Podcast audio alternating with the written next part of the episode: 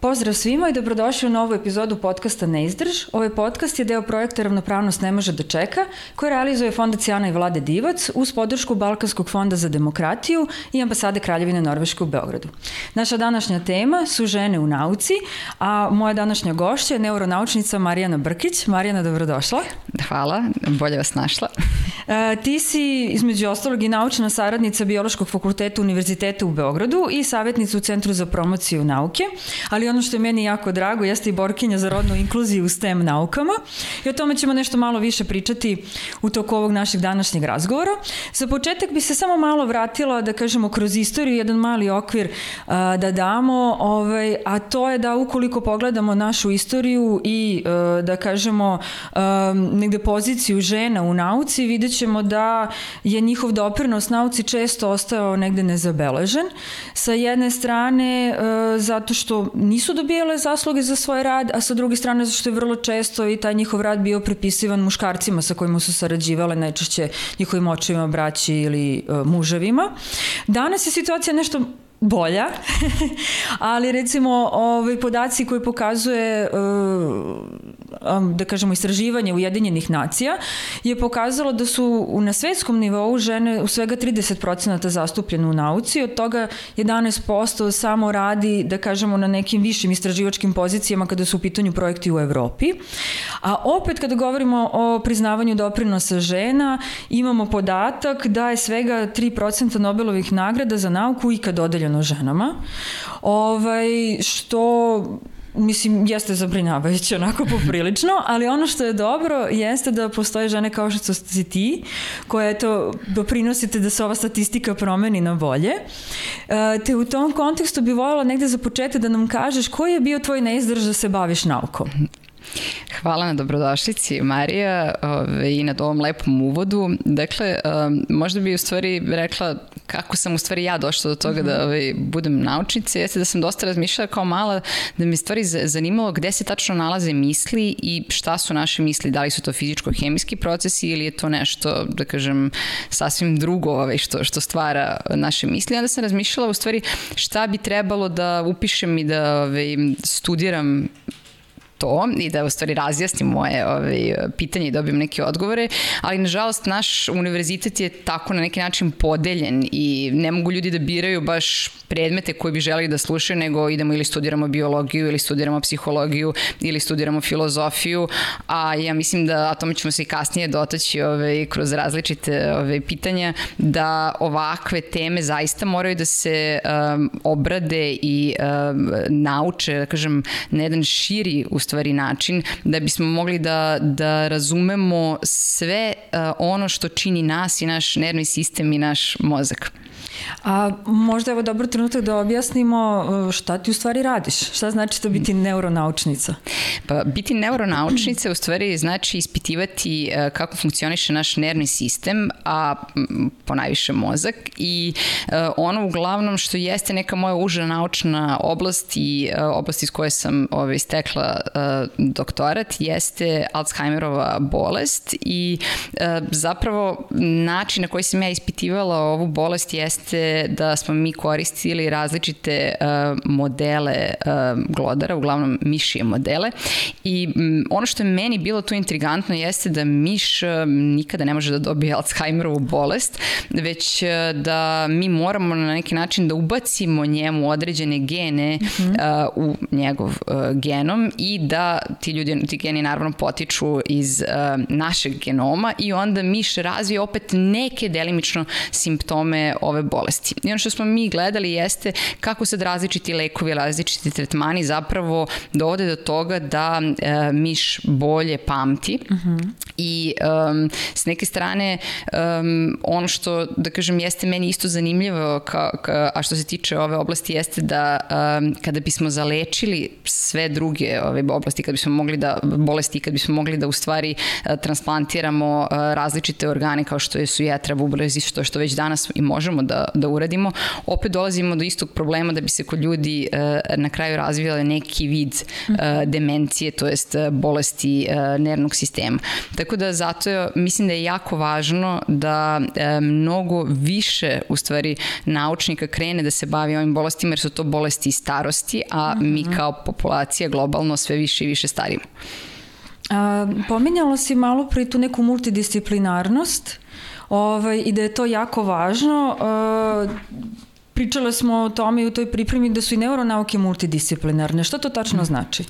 Pa, um, multidisciplinarnost u neuronaukama znači baš to ono kao što sam rekla na početku, da mi prosto uh, moramo da uključimo različite profesije, različite mm. znači, naučnike koji su ili iz oblasti um, bioinformatike, iz oblasti biologije, iz oblasti psihologije, filozofije, hemije, pa dalje naravno lekare, da bi svi mi zajedno na neki način mogli da sagledamo složenost uh, nervnog sistema. I uh, u to ima ovde sad, kao što kažem, mislim da je, da je dobro da pomenem jednu ovaj, anegdotu iz uh, mog života, da smo pre par godina, um, bila smo u stvari pozvana da učestvujem u jednom letnjem kampu koji se zove European Campus of Excellence, koji se održavao na Univerzitetu u Bohumu, gde su oni pokušali da naprave jedan svojevrsni eksperiment. Dakle, pozvali su 30 kao e, najboljih mladih naučnika iz cele Evrope i ja sam bila tu jedina ovaj, iz uh, Srbije i uh, ono što su što je bila njihova ideja da nas stave bukvalno jedan potpuno onako izolovan, odvojen zamak na dve nedelje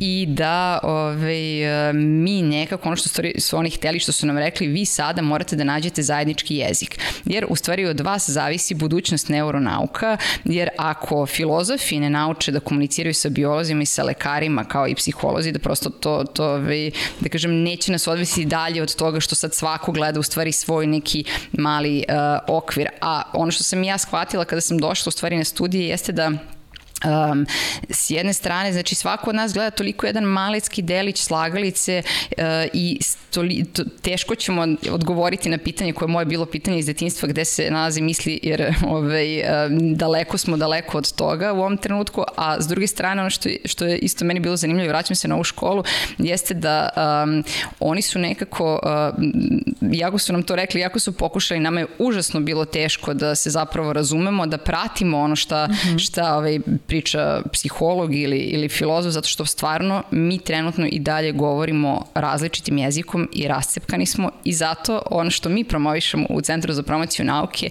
jeste da kažem jedan integrativni pristup koji se zove STEM ili sad u posljednje vreme STEAM pristup, dakle a, govorimo o Science, Technology, Engineering, Maths i tu se ubacuje jedno A koje je u stvari za Arts, stoji za Arts i a, naša ideja, ne samo naša, nego i globalna u stvari inicijativa perspektiva je da se sve ove oblasti e, zapravo izučavaju na jedan integrativni način. Mislim da bi bilo dobro da i kažemo i koji su to oblasti na srpskom. Jeste, da. Dakle, Mislim, da. da. Nauka, inženjerstvo, matematika i tehnologija i uh, znači tu se ubacuje A kao umetnost jer um, kako da kažem mnogo je uh, važno u stvari s jedne strane spojiti sve ove uh, nauke i kontekstualizovati ih. Dakle da današnji učenici uh, probaju da razumeju stvarne, realne probleme i nauku koje je, da kažem, uh, iz različitih uglova, sad iz ugla hemije ili fizike, koja se uh,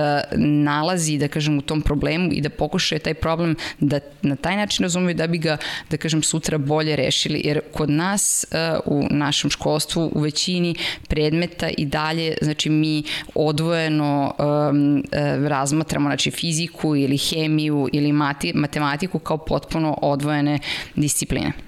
Što je recimo često bila tema i u drugim epizodama ovaj podcasta. Mi smo i sa profesorom Urdarevićem razgovarali o obrazovanju, On radi na pravnom fakultetu Univerziteta u Kragujevcu i pričali smo, um, on je prosto promenio jedan termin gde on ovo zove erom praktikanata, ove, da prosto se usmeravate samo da znate jednu stvar, on je to konkretno mislio i o prav, pravnim naukama, ali može potpuno da se prebaci eto i na ove prirodne nauke i na inženjere i na programere, gde koliko sam shvatila se i tu pokazalo vremenom da kada, da kažemo, počnu da, da rade i da se bave nekom određenom oblasti, da se ispostavi da su im potrebni neka druga malo šira znanja, a ne samo tako su direktno vezane za, ne znam, matematiku ili samo programiranje.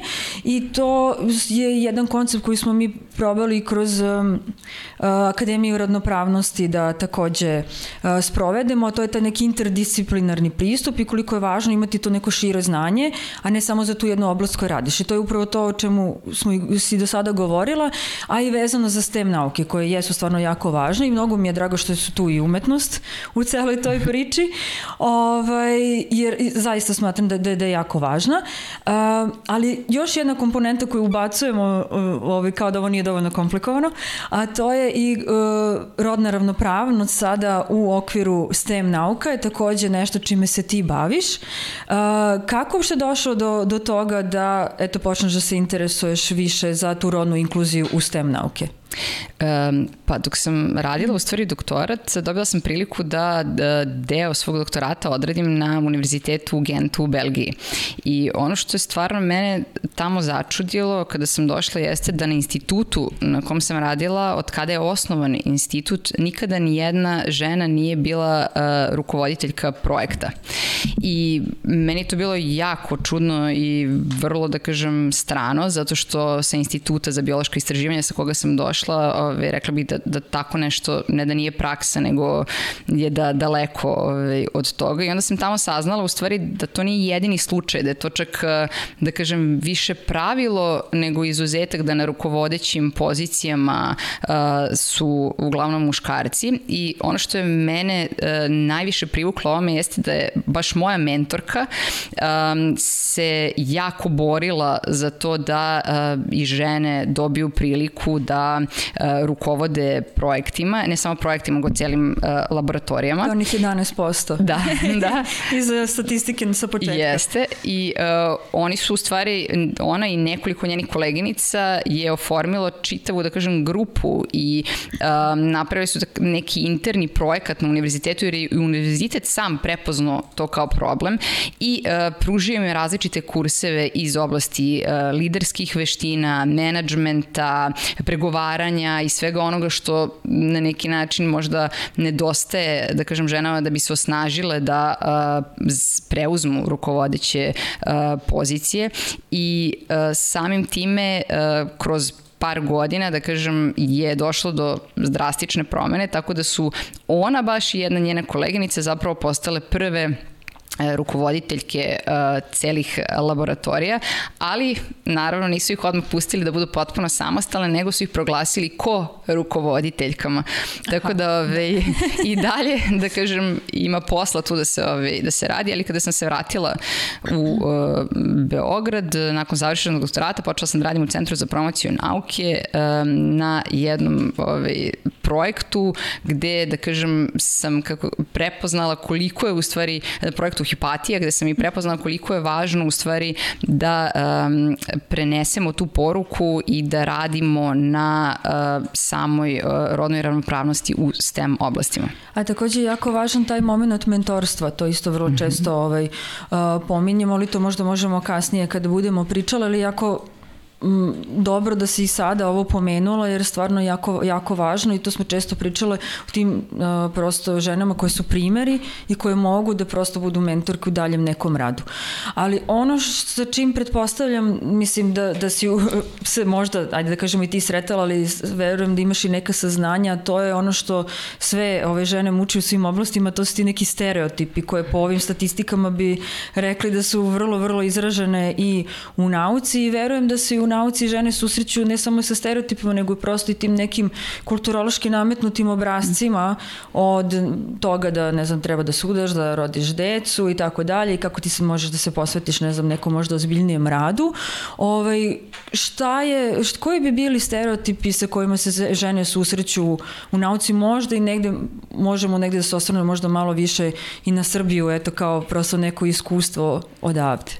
Ja bih u stvari možda vratila čak, ko, e, da kažem, stepenicu mm -hmm. niže um, osnov stereotipa, to je odakle sve kreće od učionice. Mm -hmm. Jer, uh, da kažem, kada se pogledaju istraživanja, vidi se da mi već uglavnom u osnovnoj školi negde formiramo svoju ideju čime bismo volili da se bavimo u životu.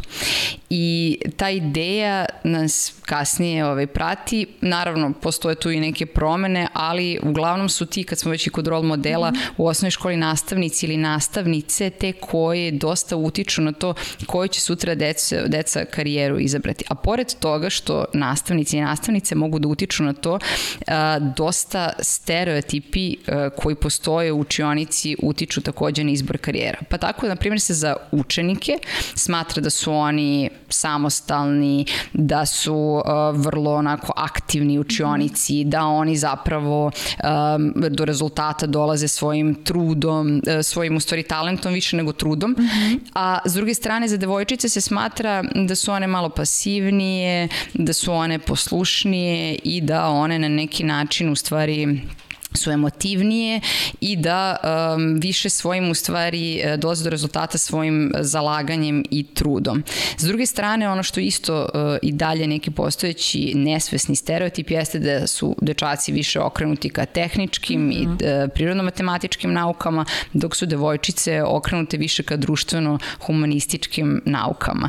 I um, samim time u stvari uh, ovakvi stereotipi na neki način, da kažem, utiču na nas i kroje nam budućnost zato što, ne, zato što mi želimo da se poistovetimo sa nečim što je, da kažem, uh, onako generalno prihvaćeno u društvu, pogotovo je to takva situacija u pubertetu, zato što do puberteta na neki način mi kad pogledamo isto um, uh, rezultate sa takmičenja, uh, uglavnom su devojčice prisutne isto koliko dečaci čak negde i češće idu na takmičenja iz matematike ili fizike, ali ono što se desi u jednom trenutku jeste da kada dođe pubertet, mm -hmm. drastično se ta slika menja i devojčice se mnogo više na neki način odlučuju da krenu putem društveno-humanističkih nauka. Ono što meni jeste isto bilo zanimljivo jeste da s jedne strane, kao što vidimo, uh, ove nesvesne barijere i dalje postoje, iako su fizičke barijere za to da, da kažem, žene bilo koje mogu karijerom da se bave i da bilo što studiraju otlonjenje još 60. godina, ali mi dan danas na neki način zbog ovih nesvesnih stereotipa um, biramo nešto što zaista možda nije za nas ili ne želimo, ali da bismo se uklopili u tu neku, da kažem, uh, i sliku sliku i da bismo u stvari, e, da kažem, to, to na neki način utiče na nas tako što nam bukvalno, da kažem, skreće i krivi percepciju mm. uh, o nama samima.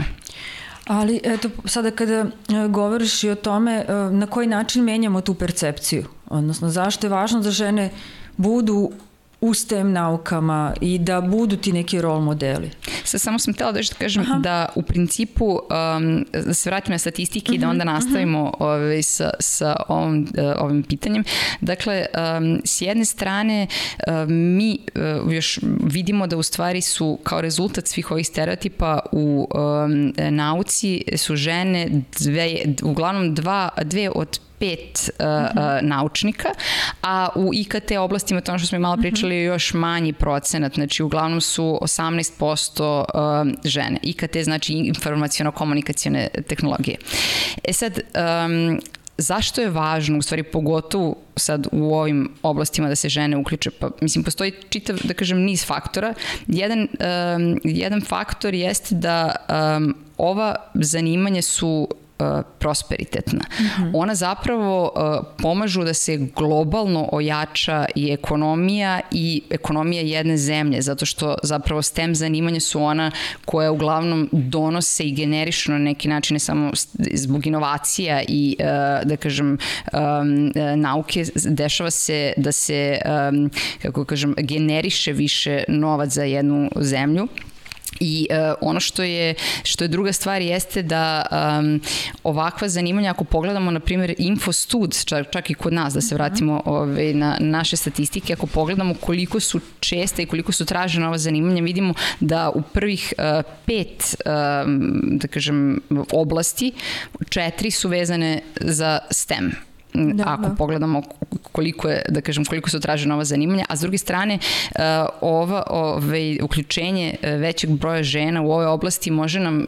na neki način omogućiti da rešimo i neke druge probleme kao što izazove, kao što na primjer novčani disbalans mm. kod kuće ili da kažem neki drugi novčani problemi koji su vezani za porodični život. Takođe, kada pričamo isto o STEM-u, o, o samom nau, samoj nauci i inovacijama, jako je važno da uključimo i rodnu perspektivu u ove studije, zato što do pre recimo 20 godina, na primjer iz moje nauke, uglavnom su se istraživanja vršila na glodarima isključivo uh, muškog pola. Mm -hmm. Šta je bilo rezultat, rezultat sam toga jeste da uh, čak neki lekovi koji su razvijeni određene doze koje su bile preporučene, uglavnom su bile preporučivane za, uh, da kažem, pripadnike muškog pola, mm -hmm a možda i jeste zbog svojih u stvari bioloških uh, karakteristika ženama ovakvi lekovi ili uh, same doze zapravo ne odgovaraju. Tako da mnogo je važno da razmišljamo i u tom kontekstu o rodnoj perspektivi. Takođe, još samo jedna stvar ne, ne, jeste da ovaj, um, ono što je, što je meni jako bilo zanimljivo da su, uh, da je važno da kažemo da su kompetencije žena i muškaraca potpuno iste i da je tu isto takođe i dalje taj moment, uh, prisutan moment predrasuda, tako da ako isti CV pošaljemo sa, sa, sa slikom, znači mm -hmm. uh, muškarca, on je mnogo bolje kotiran nego isti taj CV sa slikom žene u STEM oblastima, tako da htela bih da kažem da, da imamo još dug put i ovde da radimo i da je važno u stvari da pričamo o ovoj temi i da uh, skrenemo pažnju ženama koliko je, da kažem, važno da se bore i da uh, krenu ovim putem karijera. A kada se recimo, sad mi je prosto zanimljivo, ovaj, kada govorimo o tom u priznavanju rada koje žene naučnice imaju. Da li dalje, pošto recimo kad smo pričali o muzici, pojavljivalo se to da da nekako prosto se pripisuje mužu ako rade zajedno i dalje. Mislim prosto da je on autor tu, da njegovo uh, bavljanje muzikom važnije nego njeno i tako dalje. Kakva je situacija sada recimo u nauci kad je u pitanju to priznavanje svih tih dostignuća. Imamo ipak neki procenat žena koje vode neke velike projekte. Da li se i dalje to negde dešava da, da se pripisuje opet nekim muškim kolegama ili je tu malo bolja situacija? Pa ja bih rekla da je trenutno dosta bolja situacija i da pogotovo, da kažem, inicijativa čak Evropske unije za, vezana za Horizont Evropa projekte koji su, da mhm. kažem, koji sada dolazi gde svaka institucija koja želi da učestvuje u ovim projektima mora da ima plan rodne ravnopravnosti u kome se jasno, znači, da kažem, definišu uloge, -hmm. priča se o ovim temama u okviru institucije, takođe takođe vodi se računa o odnosu, da kažem, o rodnoj inkluzivnosti i odnosu, da kažem, pripadnika različitih ovaj, pola, u stvari roda u, u projektima. Mislim da taj deo će mnogo, u mnogome uh, takođe poboljšati uh, tu situaciju i um, izjednačiti, da kažem, ovo što, što, što je trenutno postoje te nejednakosti. To, to sada govorimo da kažemo na tom nekom svetskom nivou, ali evo kod nas se Centar za promociju nauke bavi isto ovim pitanjima i uopšte promocijom jel, nauke. Možda da nam malo više kažeš o tome šta Centar za promociju nauke u stvari sve radi. E, Centar za promociju nauke vrlo, da kažem, je aktivom po pitanju mhm. rodne inkluzije u STEM oblastima i to od nekog, rekla bih, najmlađih uzrasta. Pomenula sam malo pre projekat Hipatija, mhm. koji je, da kažem, vrlo bio važan evropski projekat koji se trudio da razbije potpuno te barijere koje stoje devojčicama na putu da krenu karije, putem karijera u STEM oblastima. I um, ovaj projekat uh, je nam je omogućio da kroz uh, prvo naše naučne klubove kojih imamo uh, trenutno 15 uh, širom Srbije da uh, kroz njih vodimo brojne radionice sa um, devojčicama iz um, osnovnih i srednjih škola, zatim da uh, idemo u brojne škole i da u školama dovodimo um, različite profesionalce kako iz oblasti nauke nauke, tako i iz oblasti profesionalke, iz mhm. oblasti uh, um, inženjerstva i nauke i da one kao rol modeli, kao što smo malo pre pričali, znači mhm. prosto um, pričaju sa, i sa devojčicama i dečacima i skrenu im na neki način uh, pažnju na to u stvari uh, kako može da izgleda jedna karijera u STEM oblasti. Takođe ono što je meni uh, jako drago jeste da iako je ovaj projekat Hipatija završen, da mi sada možemo zajedno u, kroz saradnju sa fondacijom Divac da i dalje radimo uh, na, na ovim temama i to kroz projekat STEM It Like a Girl um, i da dalje pravimo radionice, pošto, kažem, nije dovoljno samo jedan projekat da postoji, to mora da bude kontinuirana edukacija, zato što, da kažem, nova deca rastu i stasavaju i uh, imali smo prilike da radimo ove, već nekoliko radionica u nekoliko gradova u, u, van Beograda i ono što je meni uh, najdraže jeste kada uradimo prvobitnu neku, ovaj, da kažem, ulaznu statistiku izlaznu statistiku vidimo da nakon naše intervencije gde uh, naučnica razgovara u stvari sa, sa devojčicama, da devojčice zaista preispituju da li žele možda da se ipak bave e, ovakvom nekom karijerom u STEM oblastima, zato što e, to im u stvari nikad nisu videle do tog trenutka ni jednog naučnika ni naučnicu i kad ih pitam uvek kako zamišljaju naučnika, uvek je odgovor isti, a to je da je to um, um, muškarac srednjih godina u belom mantilu, mhm. uglavnom sa nekom tršavom kosom, nekim naočarama, u neki... Kao iz crtanog filma. Da, kao iz crtanog filma. Red redko ko zamišlja naučnicu, um, osim nekih, da kažem, devojčica i dečaka kojima su mame i ta, da mame ili bake ili tetke uh, generalno u, u nauci. I um, to je da kažem neka najvrednija stvar kada vidimo i kažu kada vidimo njihove povratne reakcije koje kažu da zapravo niko ni s njima nikad nije um, razgovarao o, o ovim temama i da jednostavno uh, im ovakve radionice jako znače da bi u stvari uvidele šta sve mogu da uh, rade u životu i da se osjećaju nekako stvarno osnaženije posle uh, ovih radionica. I dodatno uh, u centru uh, mi uvek se trudimo da obeležavamo uh, dan devojčica deca u IKT-u, takođe dan e, žena u nauci i da stvarno, da kažem, skrećemo pažnju na ove teme što više u široj javnosti. Svakako mislim da je dobar trenutak da pomenemo i e, emisiju koju ti mm -hmm. radiš, jer pored toga što eto radite e, u samim školama, ovo je radio emisija koju mogu da slušaju svi. Ovaj tako da mislim da je dobro sad malo ovaj kažemo e, kako izgleda tvoja emisija. Da. A, tako je, zapravo mi a, vodimo jednu radio emisiju koja se zove Radio Elementi i koja se emituje svakog posljednjeg utorka u mesecu u 18 časova na radio aparatu i nakon toga uvek možete da slušate na Mixcloudu kao podcast. Um, u ovoj radio emisiji zapravo mi imamo jedan segment koji je posvećen ženama u nauci i generalno u STEM-u, to je STEAM-u. Možemo u stvari da širimo, da kažem, da širimo ovaj pojam i, i uh, potpuno mislim da je to ovaj, da je to način na koji treba da se radi i dovodimo različite da kažem žene koje su potpuno iz različitih profesija eh, s njima razgovaramo o njihovom eh, karijernom putu o tome opet kako su izabrale ove profesije eh, zašto bi na neki način kako bi i zašto bi promovisala ove profesije mladim devojčicama jer mislimo da je to neka da kažem kao što sam rekla malo prevažna poruka poruka koja treba da se čuje. Koja bi još poruka bila ove za devojčice koje eto razmišljaju sada, da, da kažemo ove, da negde e, pošto si pričala o tome da one negde u tinejdžerskom dobu negde odustanu. Ko, koja bi onda bila poruka za njih? E, poruka bi bila da mogu da budu sve što požele, da je to vrlo individualna stvar, njihova stvar i da ne treba da um, se plaše da maštaju i da treba uvek da probaju. I to isto je neka stvar koja sam kroz ove radionice u stvari razumela, da se deca jako plaše da probaju i da pogreše. I da um, se da je to pitanje pa šta ako ta, to zanimanje nije za mene, ako bude previše teško, ako ja to ne budem uspela da, da ove, iznesem i da završim. I kažem, ali stvarno nije stvar e, strašno ni pogrešiti, niti promeniti zanimanje u, u današnje vreme i mislim da je to neka poruka koju treba da širimo.